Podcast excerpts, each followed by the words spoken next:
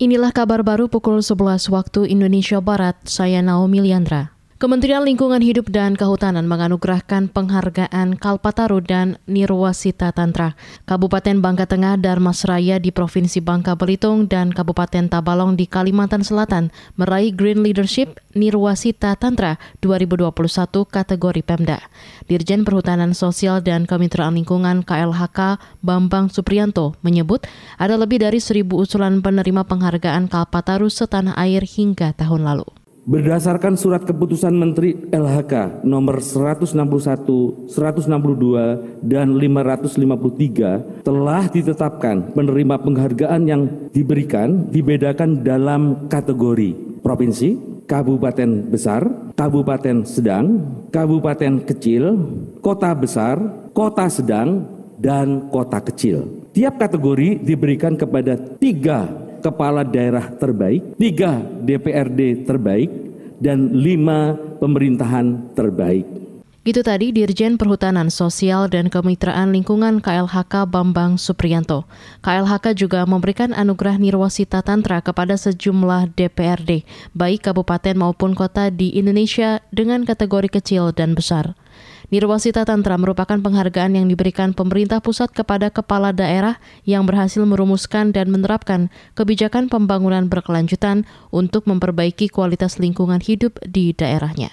Saudara, dusun terpencil di Kabupaten Rembang, Jawa Tengah menolak tawaran relokasi. Informasi selengkapnya bersama reporter radio jaringan Musyafa dari Radio R2B Rembang.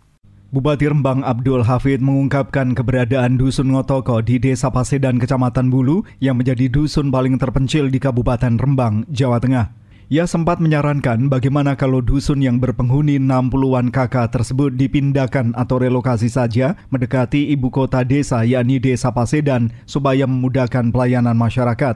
Namun ternyata warga menolak. Padahal kalau mau direlokasi paling hanya membutuhkan anggaran sekira 10 miliar rupiah hanya 60 kakak minta jalan halus minta kesehatan fasilitas kesehatan minta listrik. Coba biaya berapa mahal ini?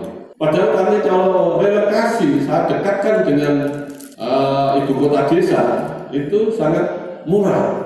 Dengan 10 miliar selesai. Tapi yang terjadi masyarakat tidak mau. Tidak mau. Pokoknya mati kan buat itu mereka pokoknya. Nah ini yang kita susah Bupati Rembang Abdul Hafiz Dihubungi terpisah, Kepala Desa Pasedan Kecamatan Bulu, Kusman, menjelaskan, dulu memang pernah muncul gagasan pemindahan Dusun Ngotoko agar tidak terlalu terpencil. Namun setelah tahun 2013 dusun itu dilengkapi listrik PLN dan akses jalan ditata melalui program TMMD pada tahun 2018 membuat warga semakin betah tinggal di sana. Musyafa R2B Rembang melaporkan untuk KBR. Terima kasih Musyafa atas laporannya. Kita beralih ke berita selanjutnya. Dewan Olimpiade Asia OCA menyatakan Asian Games ke-19 akan digelar di Zhejiang, China pada 23 September hingga 8 Oktober 2023.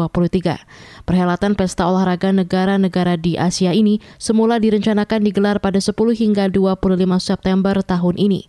Namun karena situasi pandemi COVID-19 di China, perhelatan itu diundur setahun ke depan.